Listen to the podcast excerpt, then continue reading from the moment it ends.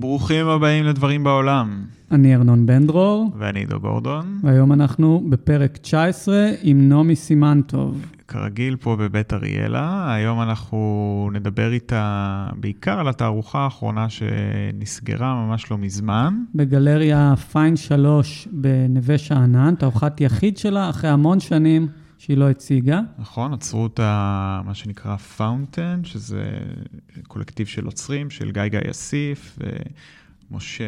ימו. ימו, ו... אהל עדן. אהל עדן. חוץ מזה, למי שלא מכיר, נעמי סימנטוב, חלק מעולם האומנות הרבה מאוד שנים, בוגרת המדרשה, סיימה שם בתחילת שנות ה-80. הקימה את כתב העת של המדרשה. כתבה הרבה שנים בעיתונות על אומנות, עדיין כותבת, יש לה איזושהי פרקטיקה שהיא מעלה בפייסבוק אה, רשמים שלה מתערוכות אה, שנפתחות. אמ, ואהבנו את התערוכה הפוסט-קונספטואלית שלה, שהחזירה אותנו לשנות ה-70 וה-80. אה, כן, הרבה תשוקה ו... וריבים בפרק הזה, יחסית אלינו. אמ, מזכירים לכם לעקוב אחרינו באינסטגרם, שם נעלה גם את הפרק, את התמונה שלה, את אה, העבודות שדיברנו עליהן. חוץ מזה, לעשות לנו follow בפלטפורמות ההאזנה, בספוטיפיי, אפל פודקאסט, גוגל פודקאסט או סאונד קלאוד. אה, כרגיל, אה, בסיום ובפתיחה, אור רימר על המוזיקה. זהו. מתחילים.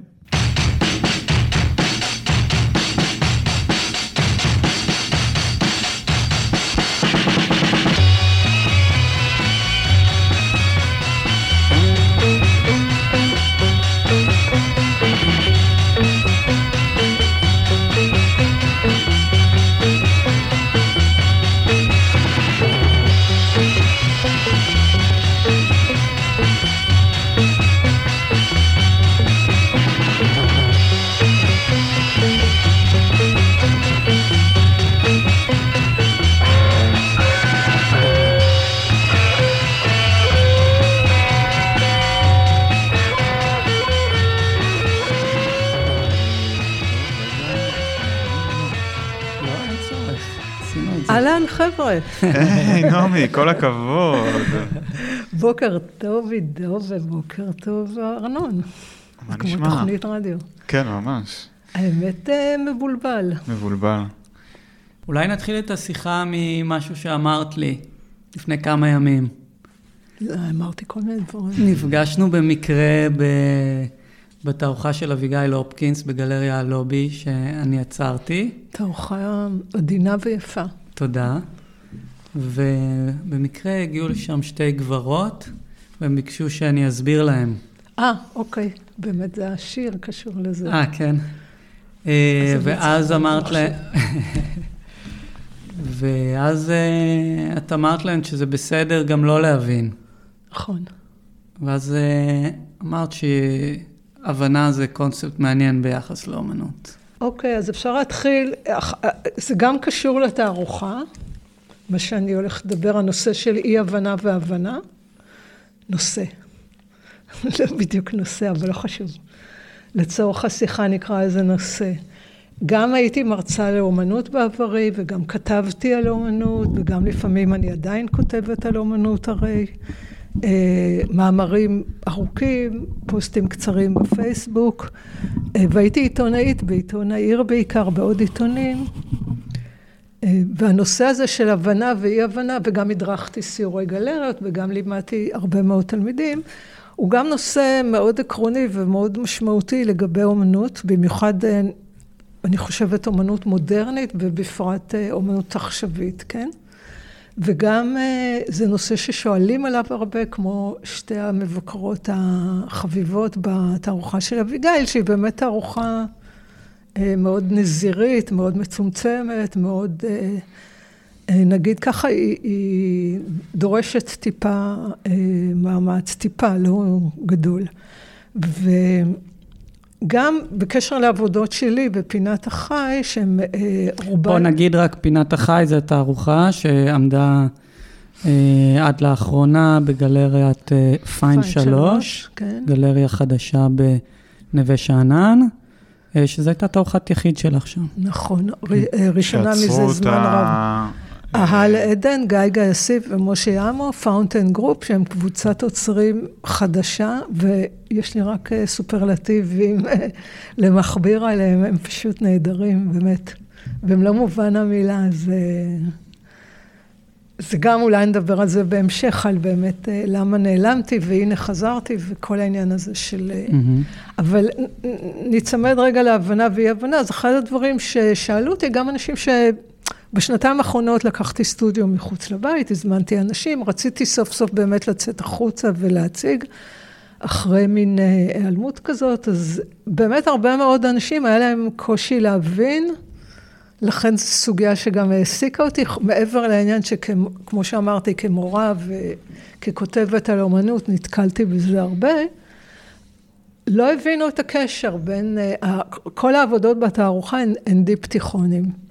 הם דיפ-תיכונים שיש בהם צד אחד ציור, צי... רוב הציורים הם אה, מונוכרום שחור, במכחולים מאוד מאוד דקיקים, מאוד דקיקים, אפס או אחד, לא יותר מזה, מספר אפס, מי שמתמצא בשמן על בד, עבודה כזאת מאוד אה, אה, עמלנית, מאוד איטית, מאוד מצטברת, אני קוראת לה.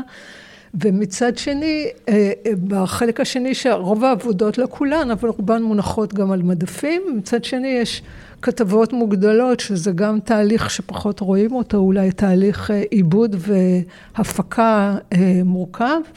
הדפסים של כתבות מוגדלות. של ידיעות די צדדיות, דרך אגב. בעיתון הארץ. בעיתון הארץ, על כל הכתבות הן על הכחדה והצלה של חיות בר, לפעמים יש סיפורים כמו סיפורים אנושיים מרגשים, אז רוב האנשים אה, לא הבינו את הקשר, כי מצד אחד יש ציור מופשט, שחור, מונוכרום, ריק מסיפור, ריק מתוכן, אם אתה רוצה, הוא יכול להתמלא בסיפור, כי כשאנשים עומדים מול ציורי ציורים מופשטים, מונוכרומים, שדות הצבע וכולי וכולי וכולי. אז אה, אה, שאלו אותי מה הקשר, הם אמרו שהם לא מבינים את העבודות, פשוט ככה, לא מבינים.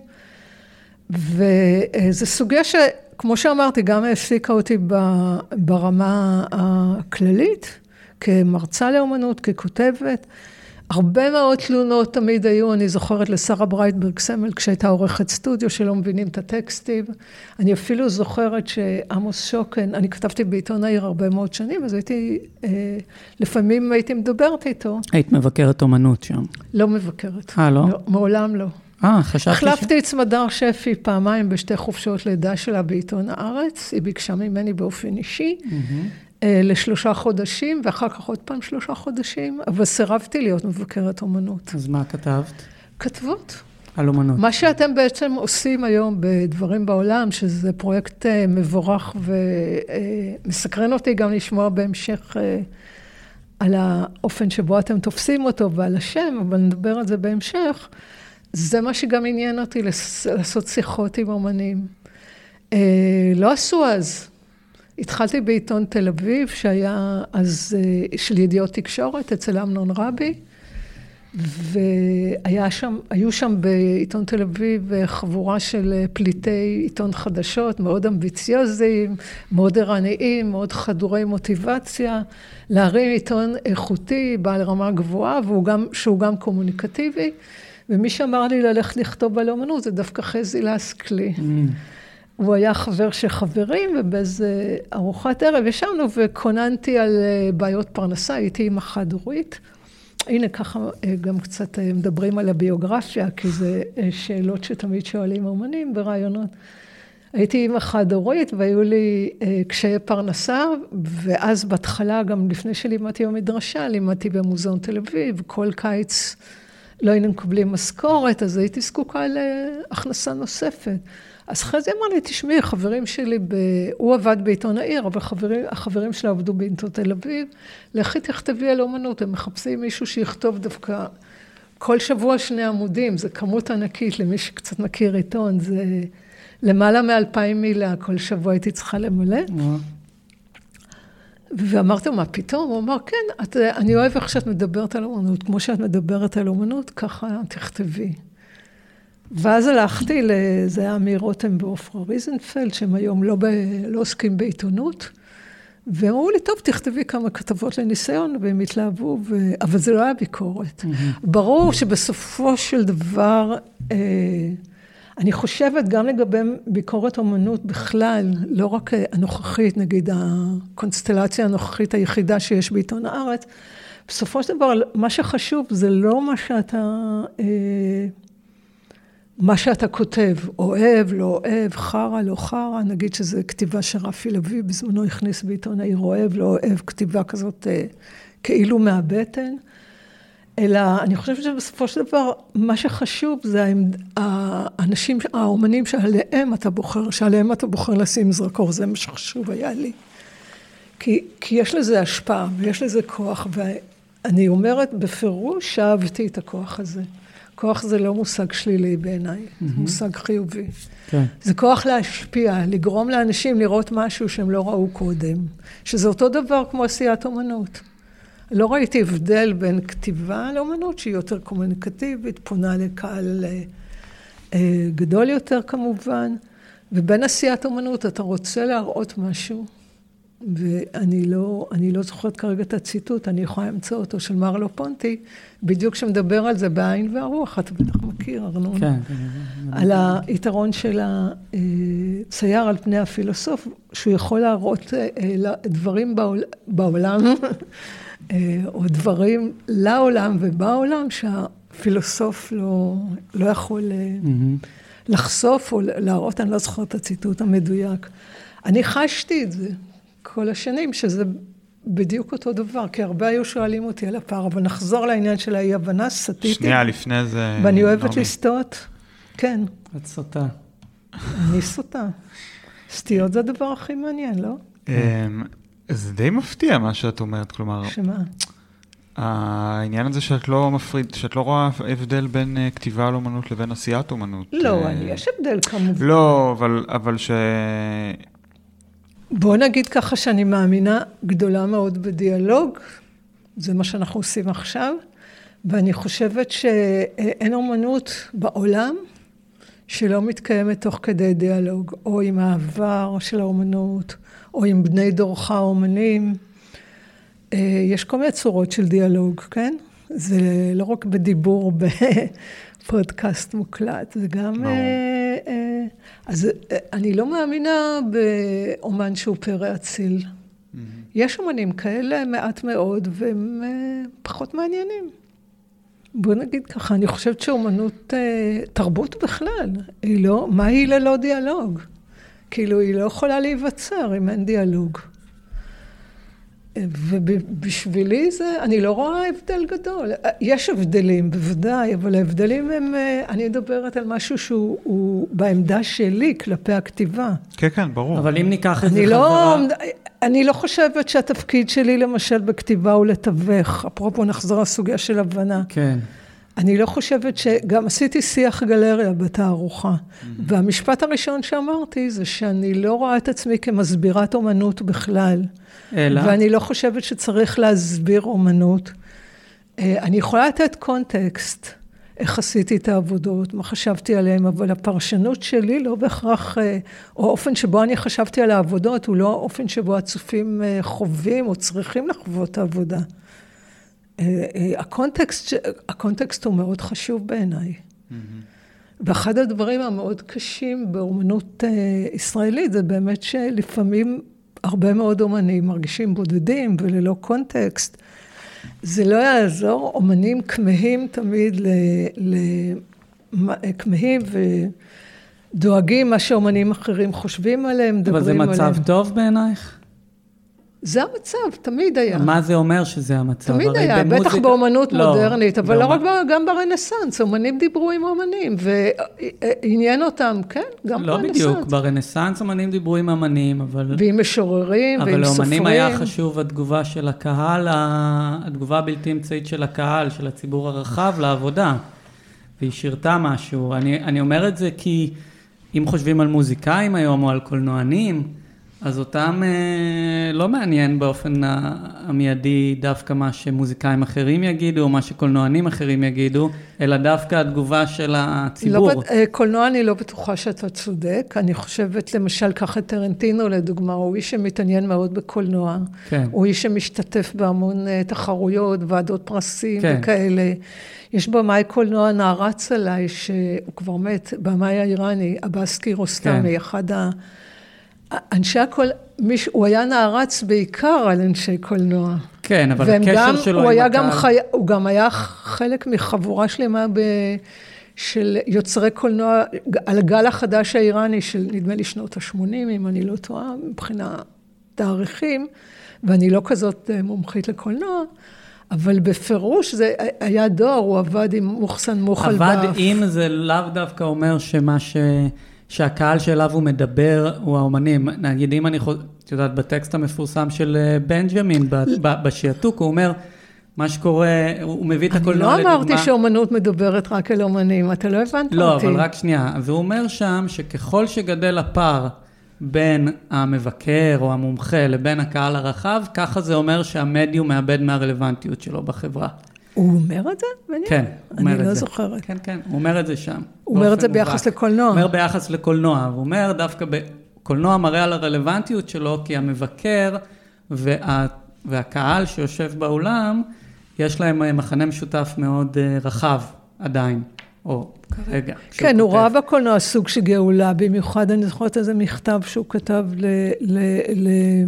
לאדורנו, בהקשר כן. ל...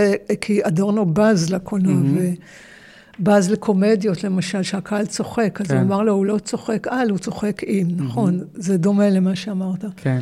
בקשר ל... ל- לפער, אה, הוא לא צוחק על הדמויות שהוא רואה על המסך, אלא הוא צוחק איתן. זה אחד הדברים שאני זוכרת מאיזשהו מכתב שהוא כתב לאדורנו. אבל אני לא רוצה להיכנס לסוגיה הזאת של הקהל הרחב יותר מדי, אבל אני לא אמרתי שאני חושבת שאומנים קודם כל אה, עושים את האומנות שלהם בשביל אומנים אחרים, זה לא מה שאמרתי. אמרתי שחשוב להם הדעה של אומנות כן. אחרים. זה שני דברים שונים. כן, כן. בואי נחזור להבנה אתה ואי-הבנה. לא עושה אומנות בשביל אף אחד. אפרופו בנימין, זה בדיוק מה שהוא כתב בפתיח יפהפה, שהייתי מצטטת המון לתלמידים במשימתו של המתרגם. מהמם. אף יצירת אומנות אינה נכתבת, אף יצירה מוזיקלית אינה נכתבת למאזין, אף יצירת ספרות אינה נכתבת למען הקורא. מהמם. אני לא חושבת שאומן אה, כך עובד בסטודיו, ואני לא חושבת שהוא צריך גם לעבוד ככה, מתוך מחשבה מי הקהל שלו ואל מי הוא פונה, זה רע מאוד. מבחינתי תערוכה זה שיבוש. אה, אני לא אוהבת לעשות תערוכות, אני אוהבת לראות תערוכות, זה כן, אני לא אוהבת לעשות תערוכות. אה, קשה לי, להציג קשה לי, זה אה, לא קל לי. ואני כן אוהבת את הפעולה של התלייה של התערוכה, את ההצבה, את התלייה, את ה... זה מביא דברים שהם בסטודיו, נגיד, אפויים אה, שני שליש, זה גורם לך לגמור לאפות אותם עד הסוף, וזה מצוין. אתה מקבל החלטות פתאום נורא מהר. אבל אה, אה, אחר כך להיות בכל הסיטואציה של התערוכה, אה, שאנשים באים לראות, וכל זה, זו סיטואציה שקשה לי, בוא נגיד ככה. זה- באופן אישי. אז רגע, אם נחזור, אז אנשים הבינו את התערוכה, הרגשת? רגע, אמרת... אני אה, אחזור על זה. אני- שנייה. אני אתחיל ממה אנחנו שהתחלתי. חייבים להגיע לזה לא. נכון, אבל רגע? אמרת שאת רוצה להקריא שיר. כן, אני רוצה קודם להקריא דווקא... אה, יש טקסט מאוד יפה של בנימין, שהוא כתב אותו ב-1925, ולא פרסם אותו, כי הוא טקסט, אה, כנראה הוא עצמו אפילו, בנימין תמיד קשה. אבל הוא אפילו עצמו הרגיש שזה אולי קשה מדי, והוא גנז אותו. הוא התכוון לפרסם אותו, שהוא נקרא קיץ' חלום, הוא לא תורגם לעברית, ואני, התרגום שלי הוא מאנגלית, אני לא קוראת גרמנית, אבל אה, אה, הטקסט אה, הוא רשימה קצרה, הכותרת על קיץ' חלום, והתת כותרת הוא, הוא, הוא גלוס און סוריאליזם, שזה אה, מין רשימה קצרה, טיפה פרשנית. זה טקסט מאוד קצר, לא טקסט ארוך. בנימין מצטט את אנדרי ברטון, אה, המניפסט, שמדבר על אה, ככה, הסנטימנטליות של הורינו מזוקקת לעיתים כל כך קרובות, היא טובה על מנת לספק את הדימוי הכי אובייקטיבי של רגשותינו. הסחרחורת הנמשכת של נאומי, נאומיהם, של ההורים, כמובן, מרירים כלענה, האפקט שלה הוא שהיא מצמצמת אותנו לפאזל תמונות מקומט. אוקיי, מכאן מתחיל החלק החשוב של הציטוט. הקישוט של השיחה היה מלא הסתבכויות תאומיות. בתוך זה, השיחה עם ההורים, כן, הוא מתכוון, בתוך זה מורגשת חיבה שהיא מעומק הלב ושל אהבה. יש קיץ', יש קיץ', ואז כאן מתחיל הציטוט של אה, ברטון. הסוריאליזם, מרכאות, הסוריאליזם נקרא על מנת לכונן מחדש דיאלוג באמת המהותית שלו. בני השיח שלו משוחררים מן החובה להיות מנומסים. זה שידבר לא יפתח תזות, אבל בעיקרון המענה או התשובה אינו יכול לדאוג לכבוד העצמי של הדובר. אפרופו דיאלוג, כן?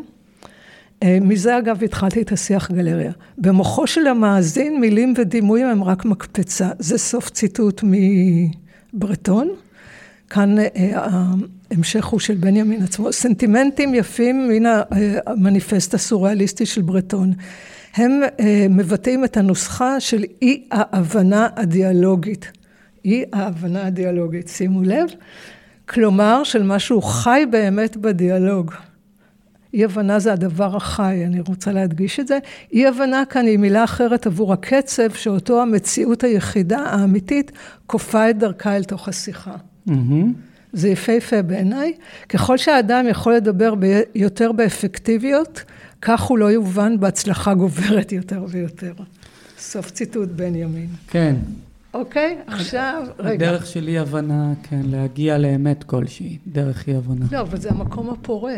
הפורה. זה המקום הפורה. עכשיו... תסדר לה את זה, שנייה, את המיקרופון. אני אקריא... בסדר, לא? אני, את זה ממש הכנתי במיוחד בבוקר, אמרתי, אני חייבת רגע, רגע. להקריא שיר שאני מאוד אוהבת.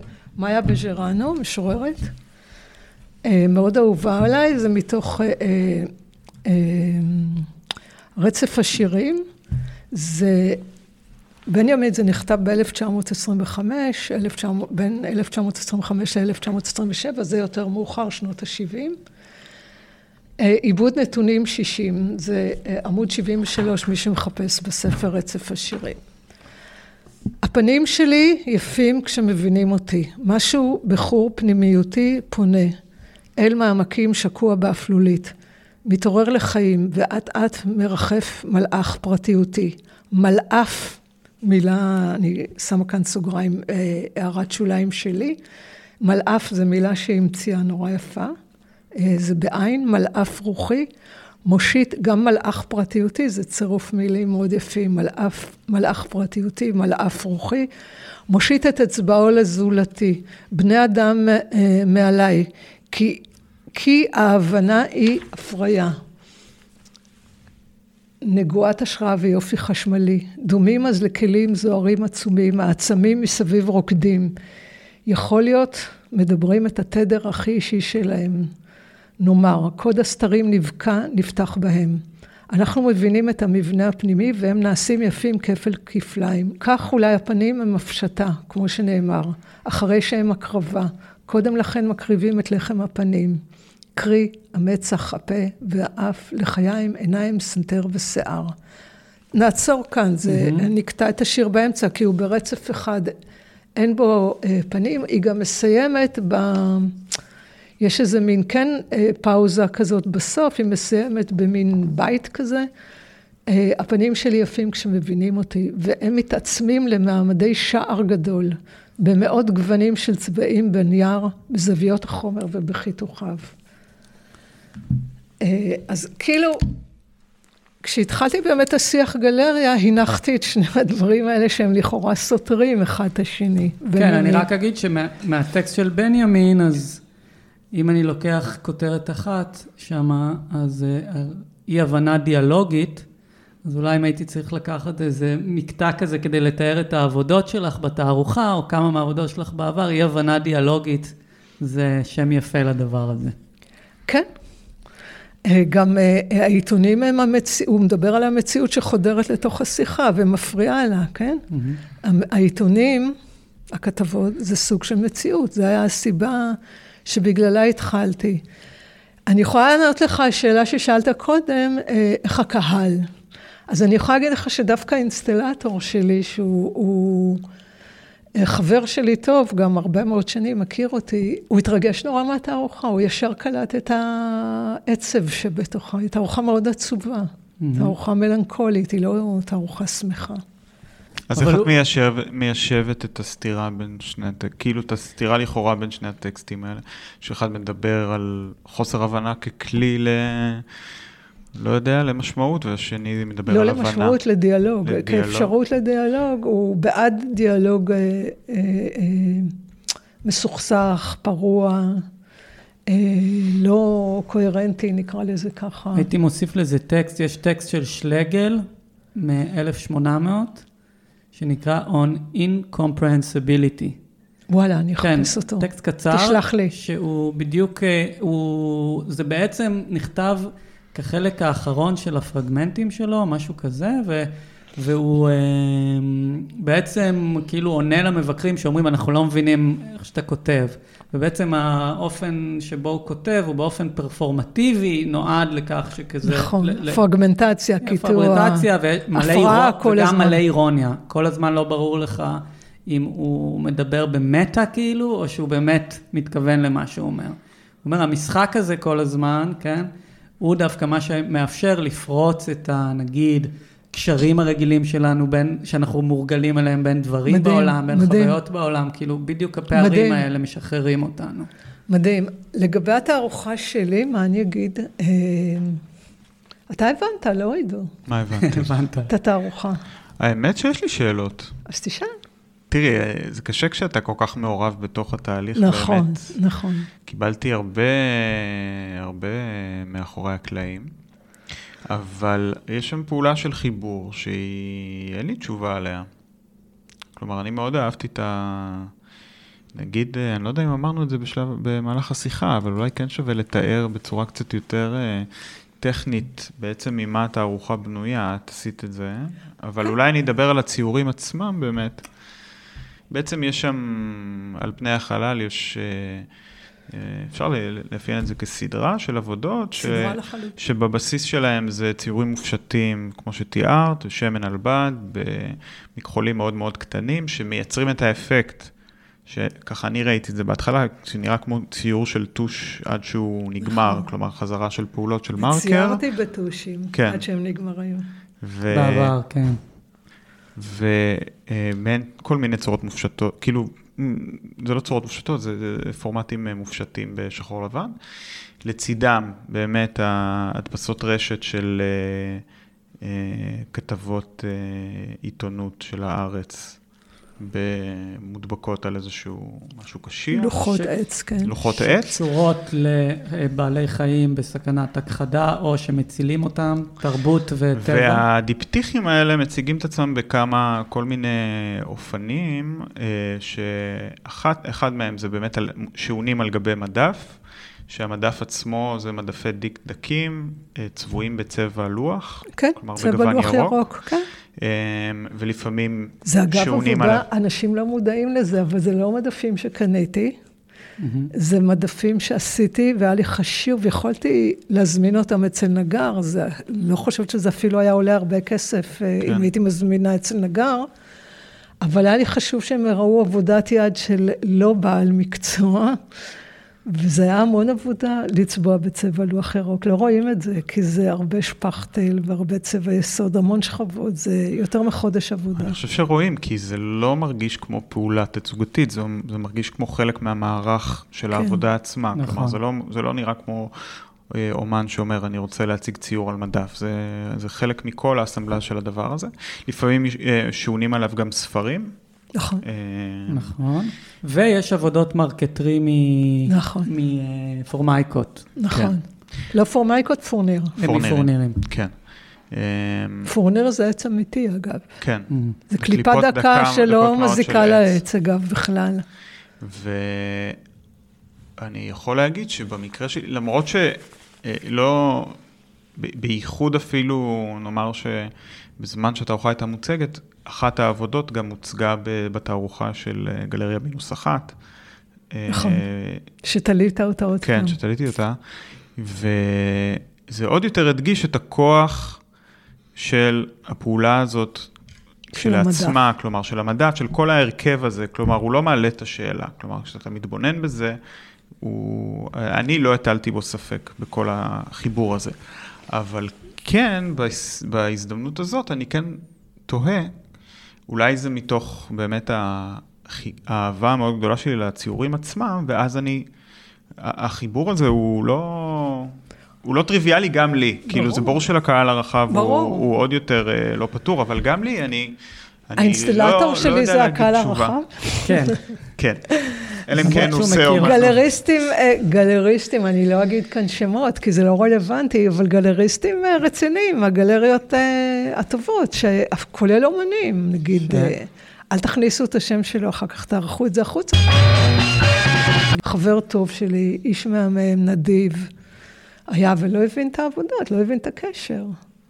אני חושב אז- ש... אני, אני אוסיף לזה שעכשיו ככל שאנחנו מדברים, כאילו אני חושב שיש, מש... דיברת על אה, אמנים שמגיבים להיסטוריה של אומנות, ובשבילי לפחות, כאילו, השפה שלך בכל זאת מאוד נטועה בהיסטוריה שלך כתלמידה במדרשה. בפירוש. ובעבודות לי... יש שם כאילו, רפרנסים אוטוביוגרפיים, בפירוש. וגם, אה, זאת אומרת, זה הזכיר לי חזרה באמת, ל...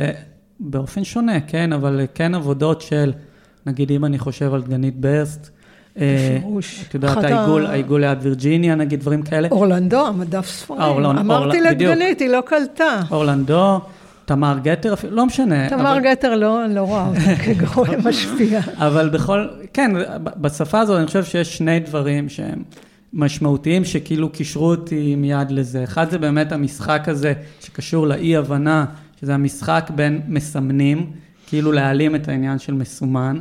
העבודה רק עם, ה, עם הייצוג בעצם, כן, ומה זה מפרה אצלך, אז מה זה מוציא אצלך, כן, ההקשרים הבלתי טריוויאליים האלה.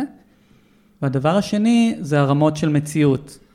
כן? זה- יש שם את ה-ready-made של בדיוק, הספרים, יש שם את זה. המדף, יש שם ייצוג, בול. אה, יש שם ייצוג, זאת אומרת, אה, פיגורטיבי, נגיד בעבודות אני מאוד marquetry, אוהבת את מה שאמרת עכשיו. ויש שם את ה... מאוד עיתון מדבר הארץ, אליי. עיתון הארץ, שזה סוג אחר של ייצוג מציאות. וגם יש לו שם, הארץ. הארץ, ויש את המופשט, שזה בדיוק ההעלמה של לגמרי, הייצוג. אז זה, זה לגמרי. רמות של מציאות, זה ואז מה זה. קורה כשהן נפגשות? זה זה, הבנת בול. אפרופו הבנה, אני נראית יותר יפה עכשיו? וזה בדיוק הבנה של האי-הבנה, כי כשרמות שונות של מציאות נפגשות, אנחנו שואלים. כאילו, אני יכולה לספר? מה ש... כן. אה, שוב, אני אחזור לשיח גלריה, כי זה באמת... אה, מה שאמרתי להם, כמו שזה, אני לא מסבירה אומנות, אני יכולה לספק קונטקסט. העבודות התחילו בערך לפני עשר שנים, אה, בעקבות משבר שהיה לי, שהוא קשור גם לחיים אישיים וגם לאומנות, דברים מתערבבים. אם נתייחס כרגע למשבר האומנותי, עד אז עשיתי עבודות מאוד גדולות. אני, ראיתם את השטיחים, כן. כן. אה, מסובכות מבחינה טכנית. לפני זה ציירתי על שמיכות, אה, שזה בכלל מסובך מאוד, מהרבה בחינות. אה, השמיכות, דרך אגב, אה, אה, באמת אה, נקרא באירוניה כפולה ומכופלת ומשולשת. אה, הקנו לי תהילה, בתור אמנית צעירה, הם אה, ממש כזה פתאום שמו לב אליי. והיו מזוהות איתי הרבה מאוד שנים, אגב. אה, זה היה מאוד אה, חריג ויוצא דופן, השמיכות. כן, זה כאילו מרד בדיקטים אולי, או משהו, או במיד- מה, מה עושים אחרי הדיקט כזה. במידה רבה, אבל אה, אצלי זה בא מכל מקומות, נדבר עליהם אחר כך אם תרצו. אה, בכל מקרה, אה, אה, כל העבודות שלי היו באמת תמיד נורא מסובכות, גם מבחינת העשייה, גם מבחינת המחשבה, גם מבחינת העשייה הטכנית שלהם, הביצוע, אני מתכוונת, וגם מבחינת האחסון, למשל, זה גם, זה פרקטיקה של סטודיו, שגם צריך להיות מודעים אליה, כי בכלל גמרתי את המדרשה.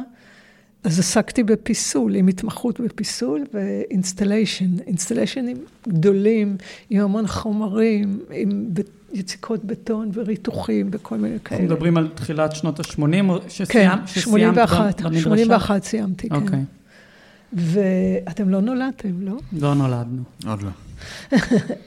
אז אה, אה, רציתי לעשות, מש, לעשות לעצמי חיים קלים. אני לא חושבת שאומנות היא על נושא, אבל אם, אם יש איזשהו נושא לתערוכה האחרונה שלי, אז אם יש נושא, אם, צריך להדגיש את זה, אז הנושא הוא כישלון. וכישלון זה נושא שנורא מעניין אותי. גם uh, כישלון של האומנות. ברור. הלוגו שלכם הוא, הוא נשען על העבודה הנפלאה של ברוס נאומן. נכון. Uh, האומן האמיתי מגלה, uh, עוזר לעולם uh, בחשיפה של uh, אמיתות מיסטיות, נכון? נכון. אני תרגמתי לא רע. ובסגר הראשון, הייתי יוצאת כל בוקר ב... זה היה רגע נפלא כזה, ב... הייתי יוצאת כל בוקר בחמש בבוקר, ל... אני גרה ליד הים, להליכה מאוד גדולה בים, ובניגוד לחוקים, הסגר הראשון היה מאוד אה, קיצוני, אם אתם זוכרים, והחוף היה ריק, והאוויר היה נקי, והמים היו צלולים, זה היה מרץ, משהו כזה. אז זו עונה מאוד טובה גם. Mm-hmm. ובאיזשהו רגע אמרתי, רגע, מה אם אה, נשארתי, החוף היה ריק לגמרי, זה חוף גבעת עלייה, בת ים, הייתי הולכת לכיוון בת ים, עמוק לתוך כמעט עד סוף בת ים. Mm-hmm. גבול אה, לא ראשון לציון, אבל כזה דיונות שמה וחוזרת. ואז פתאום לא הייתי רואה נפש חיה, לעיתים, כי זה גם מוקדם בבוקר וגם אנשים פחדו לצאת. ואז אמרתי, מה יהיה כאילו אם אני הבן אדם האחרון בעולם, נגיד, ואנחנו מצב כזה כמו באיזו סיטואציה כזאת של uh, תקופת עידן הקרח, שהיו מעט מאוד בני אדם, והם היו מאוד רחוקים, לא הייתה צפיפות כזאת כמו שיש היום. כזה הדרך נפגשו כזה. נפגשו פעם בחודש, חודשיים, כזה, אתה יודע. אז אמרתי, מה אם אני הבן אדם האחרון בעולם, האם הייתי עושה אומנות? אז התשובה הייתה כן. התשובה הייתה כן, בפירוש, להפך. נראה לי שיותר כיף אפילו, כי, כי זו אמנות הכי משוחררת, מקהל רחב, מהבנה, כל מיני דברים כאלה. הייתי עושה בשביל הכיף, כאילו יש... אה, הרי החיים שלנו הם כישלון כזה ידוע מראש, כי הכל אה, נועדנו למות, כאילו. כן. אז למה לא לבלות את הדרך לשם, אלא, אלא כאילו, באיזושהי עשייה כזאת שהיא מוזרה אולי, חריגה, זה קצת גם המוטיבציה שהייתה לי עם ה... זה דומה מה שחשתי בקורונה, כי כיוון שגם לא הצגתי הרבה שנים ולא נחשפתי, אז זה די דומה. Mm-hmm. מין, כמו ציור מערות כזה, ציירתי כאילו במערה שלי. את אומרת, החיים אבסורדים, אז למה גם לא להיות אבסורדים בתוכם? לא חשבתי על אבסורדיות, חשבתי שזה המצב, אין, אין יותר אנשים, ואז ציירתי על החול, אה, ניסיתי לשחזר את העבודה, אני אראה לכם את הצילום, אם יש לי אותו עדיין בסמארטפון, העליתי אותו לפייסבוק, אז בפייסבוק בטוח יש. ציירתי על החול את העבודה הזאת של ברוס נאומן. אה, באמת? וואלה. וניסיתי לכתוב בפנים את הטקסט בעברית, ואז ראיתי שזה נורא מסובך. עשיתי כמה ניסיונות על החול. אמרתי, אוקיי, אני אתחיל אה, לעשות דברים כאילו לעצמי. וגם אם אני אהיה לבד, אז אני אכתוב לעצמי מחדש, כאילו, אני אעשה כמו קאברים כאלה להיסטוריה של האומנות, כל מיני דברים כאלה, כן. ומה אכפת לי שזה על החול, יבואו המים וישטפו על החול הרטוב, כן? כן? תמיד חשבתי שהוא גאון, הברוס נאומן, אז כן. זה הרי שלט שהוא תלה, זה בדיוק אותו דבר. הוא סיפר שהוא, הסטודיו שלו היה ב... אה, בין כזה בתי מלאכה שאין להם קשר לאומנות, וכל הזמן היו דופקים על הדלת שלו ושואלים, נגיד, איפה, אני, הסטודיו שלי גם על יד בתי דפוס, וזה, אני בקומה הגבוהה, אז אף אחד לא מגיע לשאול. איפה זה? בפלורנטין שם, ברחוב רבנו חננאל, mm-hmm. בחלק התעשייתי, דרום פלורנטין, עידו יודע. Mm-hmm. וכיוון שאני בסוף שם למעלה, אז לא מגיעים, אבל לפעמים כן. אז uh, הוא החליט שהוא יתלה שלט בחוץ, כמו שאר בעלי המלאכה, שיגיד שהוא אומן. Uh, ואז הוא חשב, מה זה אומן? כאילו, אני אומן, כאילו, אז הוא יכתוב שלט כזה. זה שלט שהוא פשוט תלה, כמו mm-hmm. בחנות כזאת. Uh, אני אומן ואני עוזר לעולם. ואז uh, היה שם איזה צ'אט קצר כזה, אז הרגשתי שאנחנו נכשלנו האומנים, לא הצלחנו לעזור לעולם. פשוט ככה, זה מה שהרגשתי. כן. אתה יכול לחוות, אי הבנה אפשר לחוות אותה בכל מיני אופנים. אני זוכרת שהייתי אה, בצבא ושירתתי בקריה והלכתי לגלריות, שזה חריג. הכרתי קצת, אה, בגיל 18 הכרתי טיפה פופ-ארט, ג'ורג' סיגל היה בארץ. הלכתי לשמוע הרצאה שלו. הוא יצק את קדישמן, אגב, אף אחד לא מכיר, אבל זה אה. פסל שנמצא במוזיאון, הוא עשה פסל לעקידת יצחק, וקדישמן היה יצחק. והלכתי לגלרת, היו שתיים, שלוש גלרת בסך הכל ברחוב גורדון, וראיתי רפי לביא. אה, ורפי לביא אז עשה ציורים, לא הקולאז'ים, אה, מין ציורים עברד- לבן על לבן, עברד- מופשטים, אה, כן. קצת ריקים כאלה, כן, קצת כן. עיפרון בצד. אה, ציורים אגב שאחר כך הוא ירד על עצמו, הוא לא אהב את הציורים האלה שלו. הוא אמר שאם הוא יכול היה להשמיד אותם בדיעבד, לא משנה.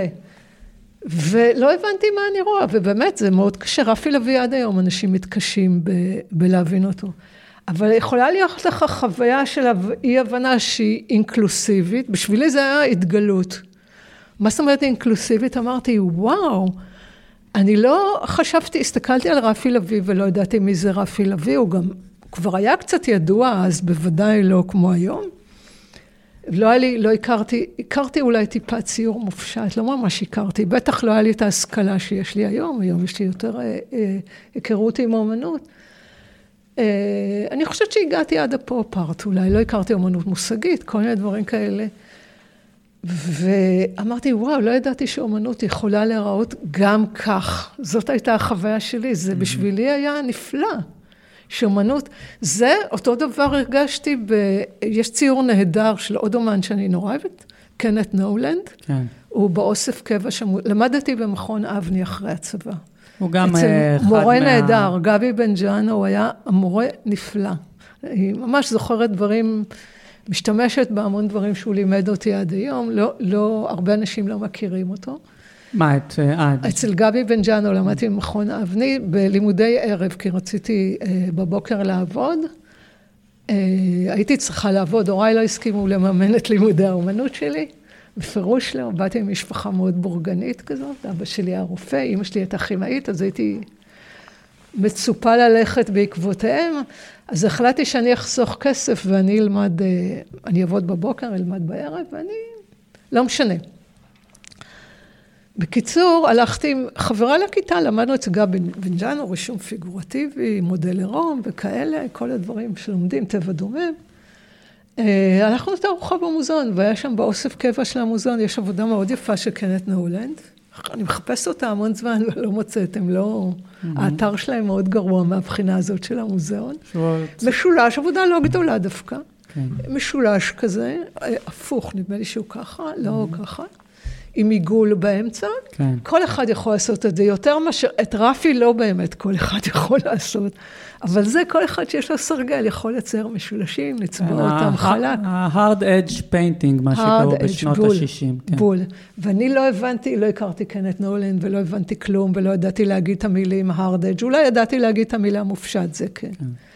וחברה שלי שלמדה איתי, אני לא, לא יודעת איפה היא היום, ידידה שלי שלמדה איתי, עמדה מול זה והתעצבנה נורא, היא נורא כעסה, היא, היא למדה איתי אומנות. מה זה? זה לא אומנות, גם אני יכולה לעשות את זה. על זה היא כעסה, אתה מבין? כן, זה. כי הם באים, אז, ואמרתי לה, אני חושבת שקראו לה אילנה, אני לא זוכרת איך קראו לה. אמרת לה, מה זאת אומרת? זה היה לי כל כך ברור שזה כן אומנות, ולא היה לי את המילים להסביר לה למה זה אומנות והיום בעיניי. יש לך? כן, התשובה שלי, יש לי המון תשובות ששואלים אותי למה זה אומנות, גם אני יכול נגיד על לעשות. העבודה של קנט נולנד, כן. למה לא?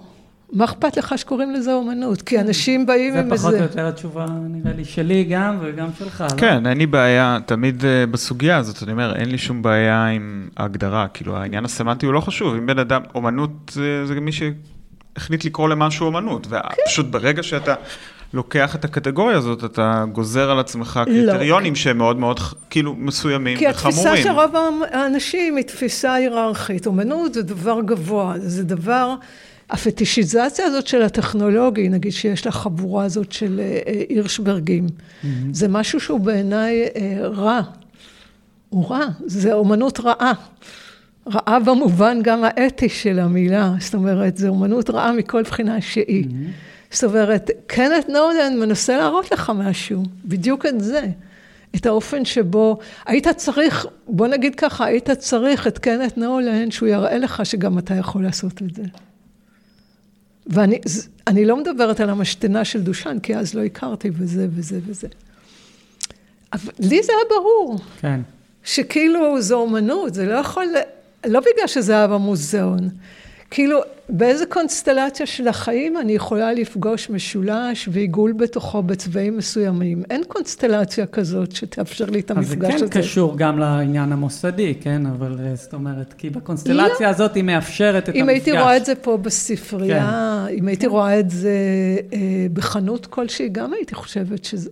להפך, זה יותר מדי, אולי אפילו אומנות, כן, את נעול. זה היה לי כן, כל כן, כך כן. ברור.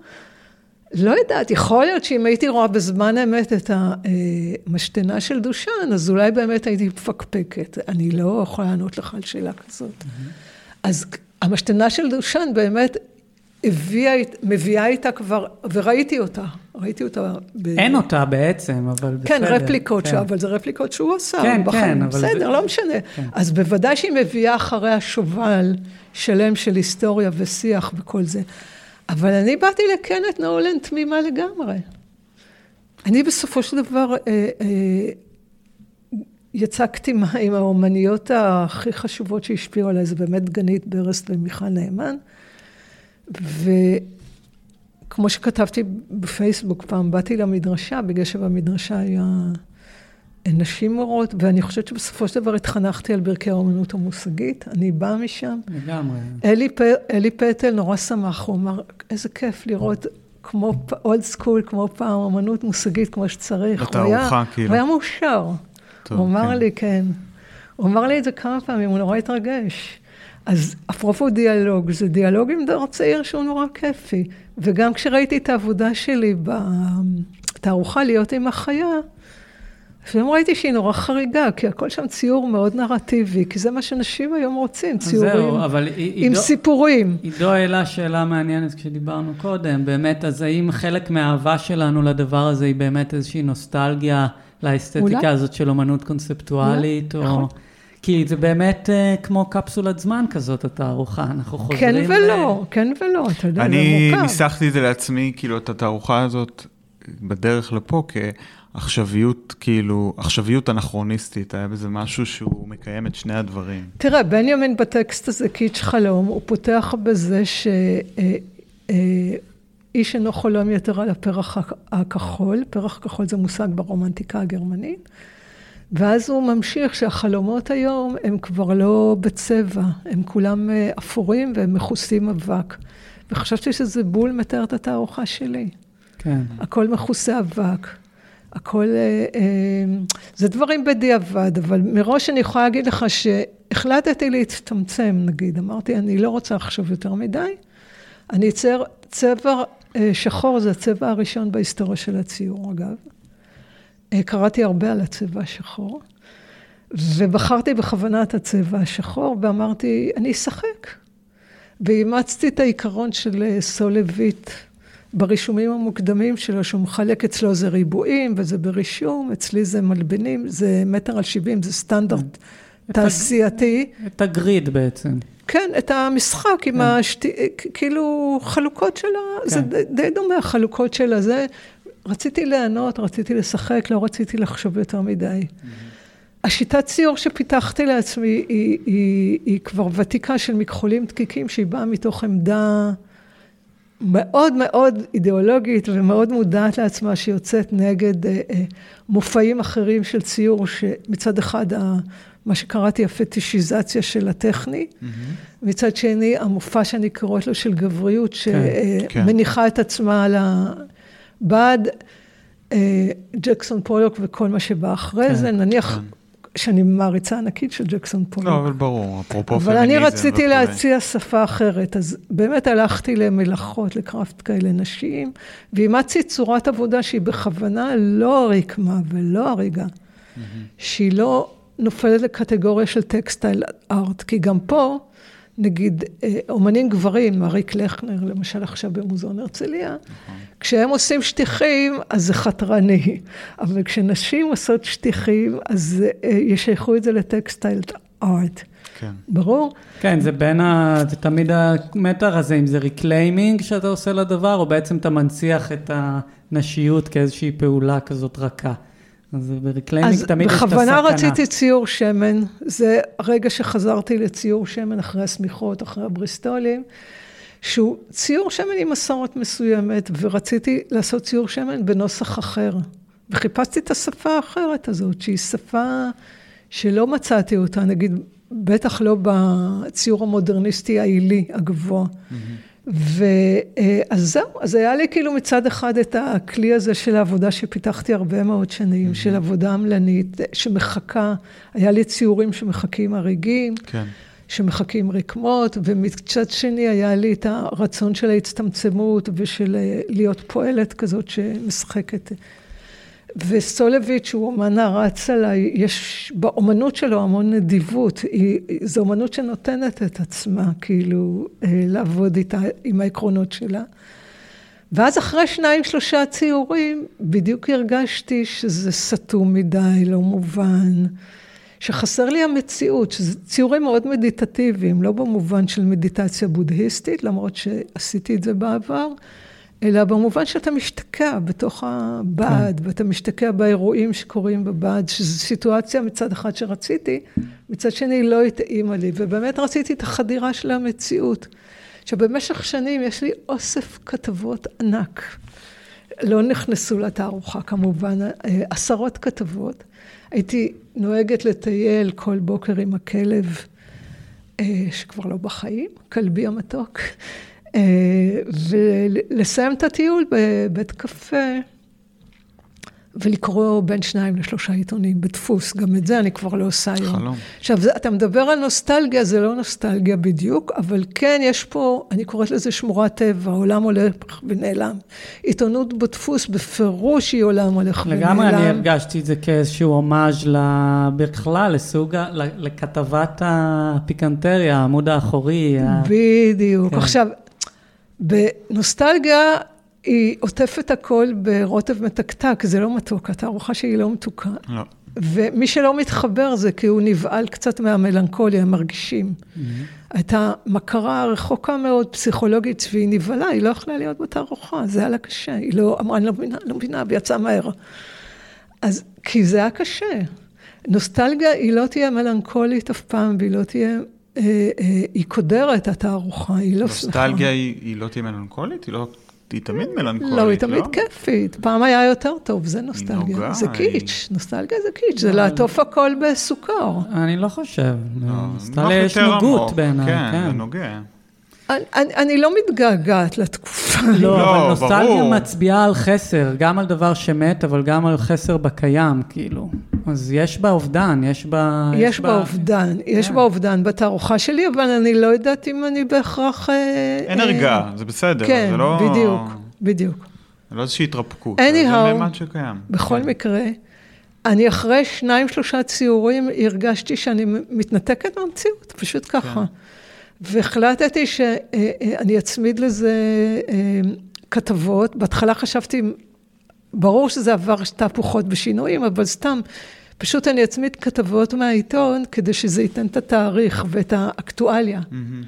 ואז אמרתי, אני אצלם את כל העמוד הזה, הייתי מצלמת בסמארטפון עם הכוס קפה ששתיתי על השולחן. אני הדפסתי והגדלתי וניסיתי להגדיל בפרופורציות של המטר שבעים כמה שאפשר, כי זה לא אותן פרופורציות. בהתחלת העמודים השלמים. זה המון הפקה, אמרתי לכם. אספתי רק כתבות על בעלי חיים, וזה חיות בר, חשוב לי לציין, זה חיות בר. והיה לי ברור, אני לא יכולה להסביר, זה היה מתוך רצון להתחבר פשוט למציאות, זה הכל. Mm-hmm. להדביק את הכתבות העיתון האלה, צילמתי את זה, אה, ואז צילמתי בזירוקס, וברגע מסוים, שיקולים פורמליסטיים לחלוטין, אמרתי, זה חייב להיות שחור לבן, זה חלק מהנוסטלגיה, כי הכתבות במקור הן כולן בצבע. Mm-hmm. הייתי יכולה להראות לכם את העמודים השלמים. Mm-hmm. זה חייב להיות שחור לבן, כי זה חייב להיות כן קשור, כי הבנתי שאנשים לא יבינו. לי זה היה קשור במובן הזה, בגלל שזה לא קשור, זה צריך להיות קשור, כן. אתה מבין? ברור. בגלל שזה מחדיר מציאות לתוך השיחה, בגלל שזה, הציור המופשט הספציפי הזה הוא אילם, ופה יש המון דיבור. ובאיזשהו שלב אה, נהניתי מזה, כי ההתאמות הן בעיקרון פורמליסטיות במשחקיות כאלה. כן, למשל... אבל העבודה בדיוק שואלת על הקשר בין אומנות למציאות, בדיוק, באופן פרפורמטיבי. בדיוק, ו- ולמשל יש ציור, נגיד, אה, אה, יש כתבה על בת הים הגדולה, דולפינה, mm-hmm. שבאמת הייתה באפיסת כחות, סיפור קורע לב. ואז כאילו הציור פשוט אמרתי, רגע, זה נורא מזכיר ים, אם מסתכלים עליו, אז אני אשים על יד, זה שיקולים אידיוטיים לחלוטין. עכשיו, יש אנשים שמיד רואים את זה. הם עושים ככה וככה, וזה מצב נהדר בעיניי. אומרים, רגע, מה הקשר? אה, הנה רואים ים, והנה רואים שדה. יחמורים, רואים שדה. וכל מיני דברים כאלה, ויש אנשים שלא רואים. אז זה נורא... אני אומרת לך, האינסטלטור שלי ובת זוגו, הם התרגשו עד עמקי נשמתם. הם ממש בכו, אמרו לי, זה נורא, זה טרגי, הם, הם, הם גם התחברו לסיפורים.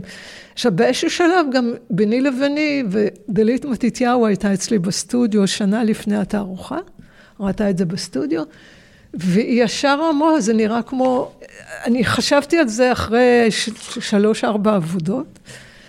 אה, שנראה כמו, אתה הולך לתערוכה, אפרופו הסבר לקהל הרחב, אמרתי, זה פרודיה, במוזיאון תמיד יש טקסט, כיתוב תמונה, כן. אז אני עושה פרודיה על כיתוב תמונה. נכון. אבל פרודיה שהיא לא פרודיה גם, mm-hmm, היא גם כן. רצינית מאוד, כי יש פה סיפור מאוד קשה.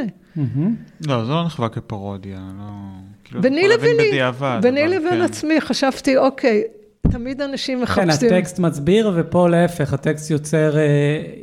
אה, שאלות. היעדר הסבר, יותר שאלות, כן. כן.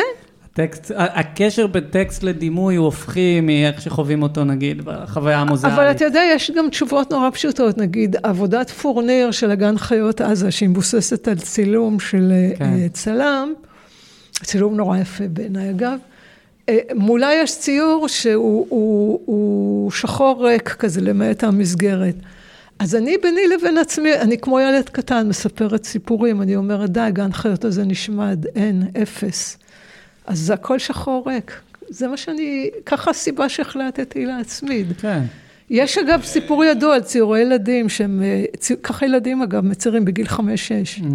הם מספרים להם סיפורים כאלה, לעצמם כאלה. וואלה. אני חושב שגם פה פה אי הבנה, זה עונה גם על חלק מהשיחה שהייתה לנו לפני הזה, ש... הקהל הרחב, המושג הטרי, המתרגר שעלה פה בשיחה, אה, אני, אני חושב שיש, הכלי בסופו של דבר הוא מאוד בסיסי, הכלים להבנה הם מאוד בסיסיים, הם, אה, פשוט קשה לאנשים להבין ש... שהם הרבה, מבינים. שהם מבינים, שהם, שיש להם את כל מה שהם צריכים כדי כן, להבין. ממש. והפעולות וה, שאנחנו עושים הן לא מורמות מעם בשום לגמרי. צורה, הן מאוד פשוטות ומפגרות לפעמים. גם אנשים לפעמים. מפחדים מדברים שנשארים בסימן שאלה. אנשים מפחדים מ... מ, מ אז זה לא מובן, זה לא, לא יודע, שזה... היום אני חושב... מה זאת הבנה? הבנה זה רק יותר... אה, אופציה.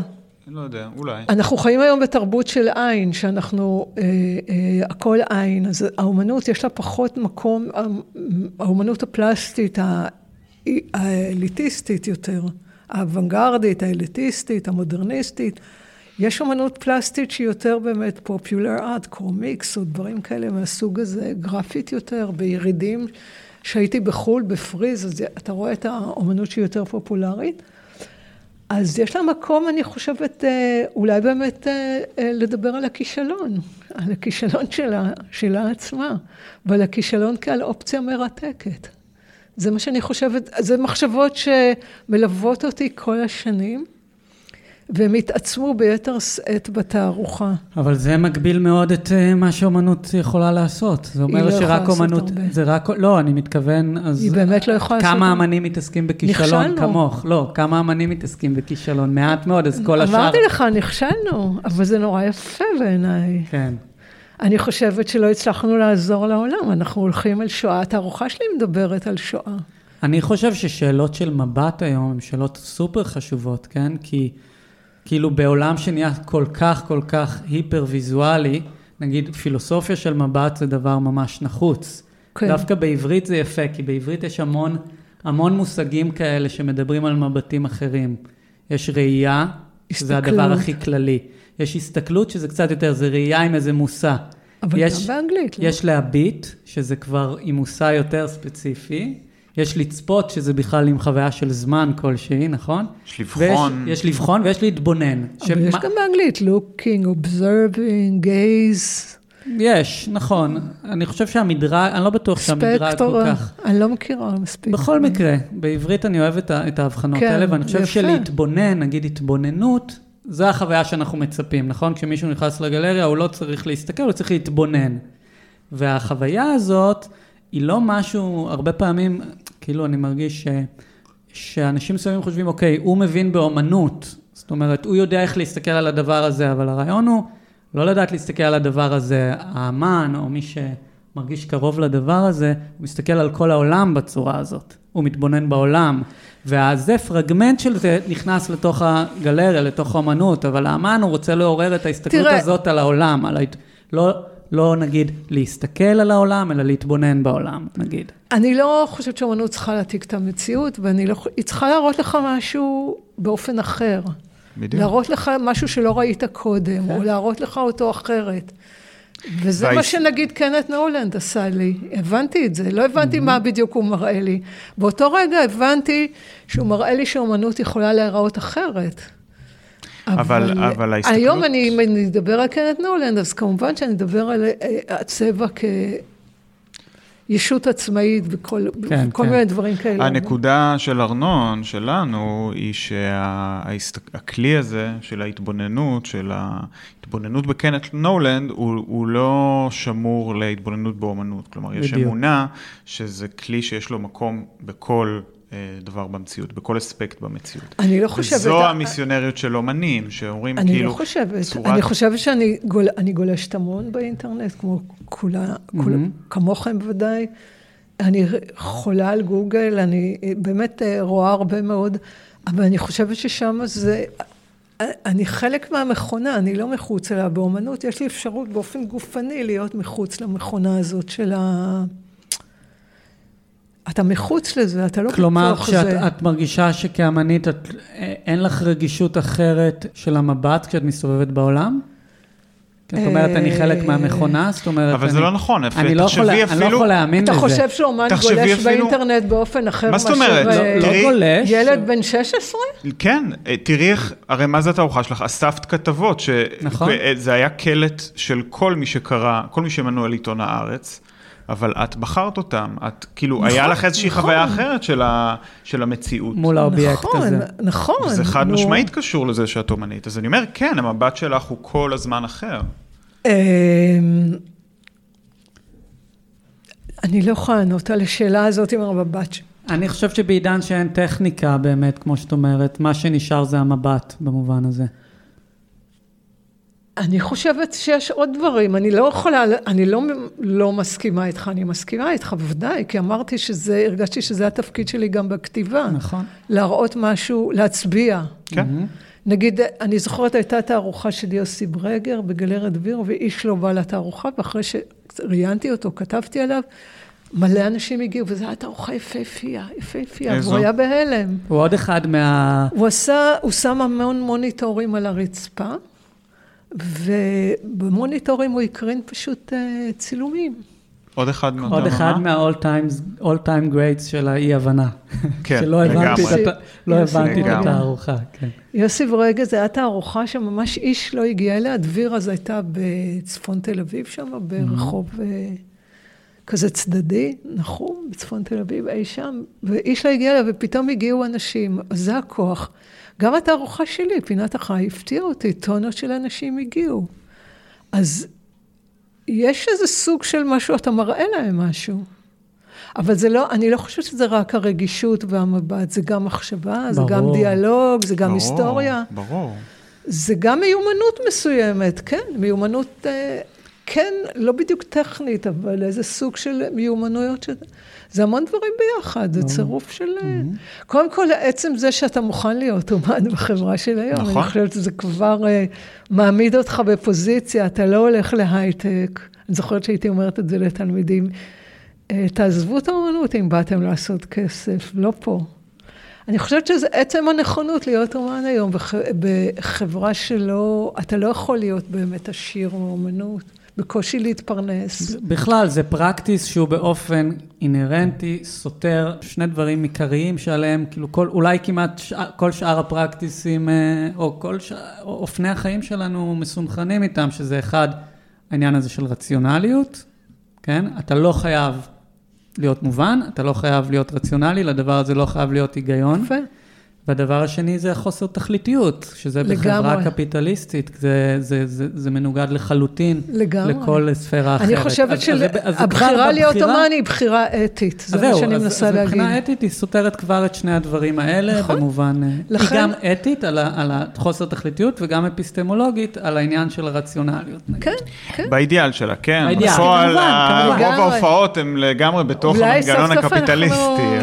לגמרי. לגמרי, לא הייתי מנסחת את זה ככה, אבל אני מסכימה.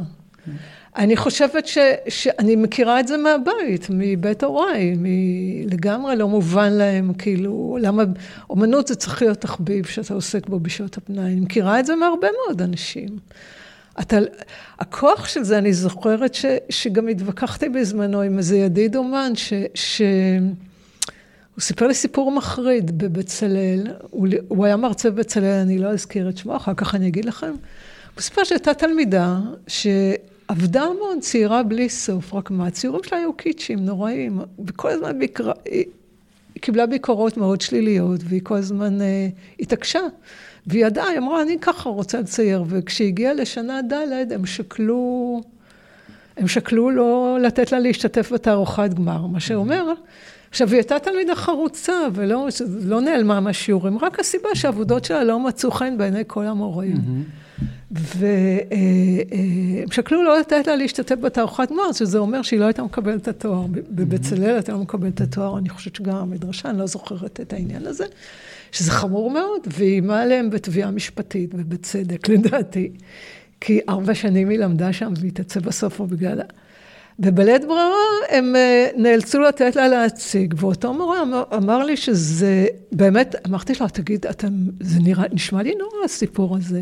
דרך אגב, בסוגריים, זה גם לא מפתיע שזה בחורה, כן? זה נשמע לי נורא, אמרתי לו, מה אכפת לך? כאילו, הוא אמר, לא, זה השם של בצלאל, אוי ואבוי, מה זה? נשמע ישן מאוד הסיפור הזה. לא נורא ישן. אה? אני אגיד לך אחר כך מי זה. ואז אמרתי לו, הסיפור הוא כזה, אמרתי לו, תגיד, הרי זה לא ניתוח מוח. אנחנו לא, אם מישהו, אם מנתח מוח עושה טעות, או טייס שמטיס מטוס, זה טעות פטאלית, זה הכיף זה לא דיני באמנות. נפשות, כן. הכיף באמנות שיש אמנות גרועה, זה הכיף באמנות בעיניי, שיש אמנות גרועה, בלי זה, לא תיתכן אמנות, בלי אמנות שהיא לא לטעמך. והוא אמר לי, זה יותר גרוע ממנתח מוח. אבל, אבל הוא לא היחיד, כי, כי כל המחלקה היו איתו, זה לא ככה בדיוק. כן. זה סיפור מחריד בעיניי, כי בעיניי זה הכיף באמנות, אתה, אין לך... הזכות לעשות אמנות גרועה, הזכות לעשות קיץ', הזכות לעשות אה, אה, דברים שהם לא עולים בקנה אחד עם הטעם של המחלקה לאמנות בבצלאל באותה תקופה. מדובר על קונצרט, כי כל, ה, כל המורים ישבו ודיברו עליה, זה לא בן אדם אחד שמחליט על גורלה. כן. אז זה בעיניי אי הבנה, פספוס מוחלט של אמנות, זה, אמנות זה מקום של חירות מסוימת. זה, זה מה שמשך אותי בתור אדם צעיר לאמנות. כן. כשאני הגעתי למדרשה וראיתי שלושה אנשים יושבים ומדברים בכובד ראש על איזה קרש מסכן, אני הרגשתי שהגעתי הביתה.